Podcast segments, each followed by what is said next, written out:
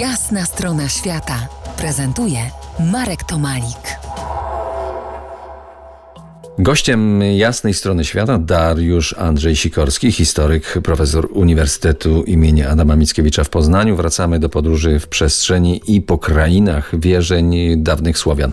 Czy można sobie zaplanować podróż y, tropami, mm, no może nie tyle migracji Słowian, co ich przynajmniej częściowo potwierdzonych miejsc kultu religijnego? Tak, jak najbardziej. Wiele miejsc na Słowiańszczyźnie, zwłaszcza zachodniej, traktowane są jako miejsca, w których y, da się wykazać istnienie takiego kultu. To dobrze, to no może na, na, na, na, dobry początek takiej podróży. Najczęściej chyba cytowana przez ciebie w książce Religie dawnych Słowian, przewodnik dla poszukujących, Arkona. Gdzie jej szukać na mapie i w realu?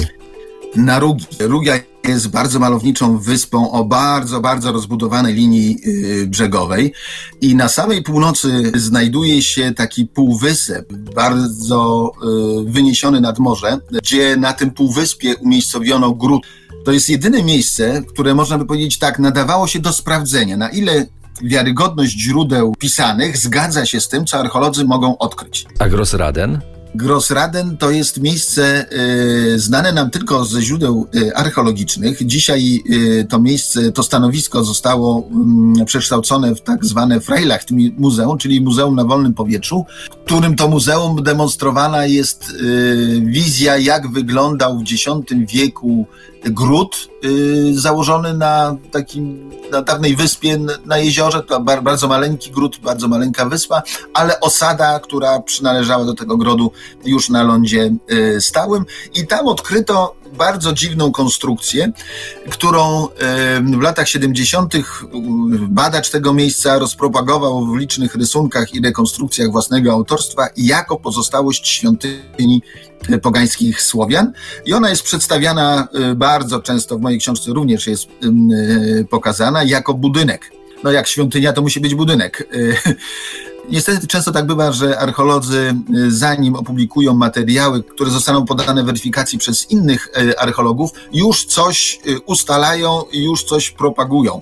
I gdy po dość długim czasie w końcu ukazała się publikacja dokumentująca stan źródłowy, czyli rzeczywiście to, co odkryto, to okazało się, że nie ma żadnych podstaw do rekonstrukcji tego obiektu jako budynku. Ta świątynia pogańska istnieje tylko w wyobraźni archeologów i dzisiaj ta wyobraźnia jest słabo podbudowana materiałem dowodowym, ale warto się wybrać, bo yy, czy w ogóle do Mecklenburgii warto się wybrać, bo Mecklenburgia jest bardzo malownicza, zwłaszcza dla tych, którzy uprawiają turystykę na rowerach, y, bardzo przyjazna. Do podróży, nie tylko rowerowych, po śladach y, wierzeń dawnych Słowian wrócimy za kilkanaście minut. Zostańcie z nami.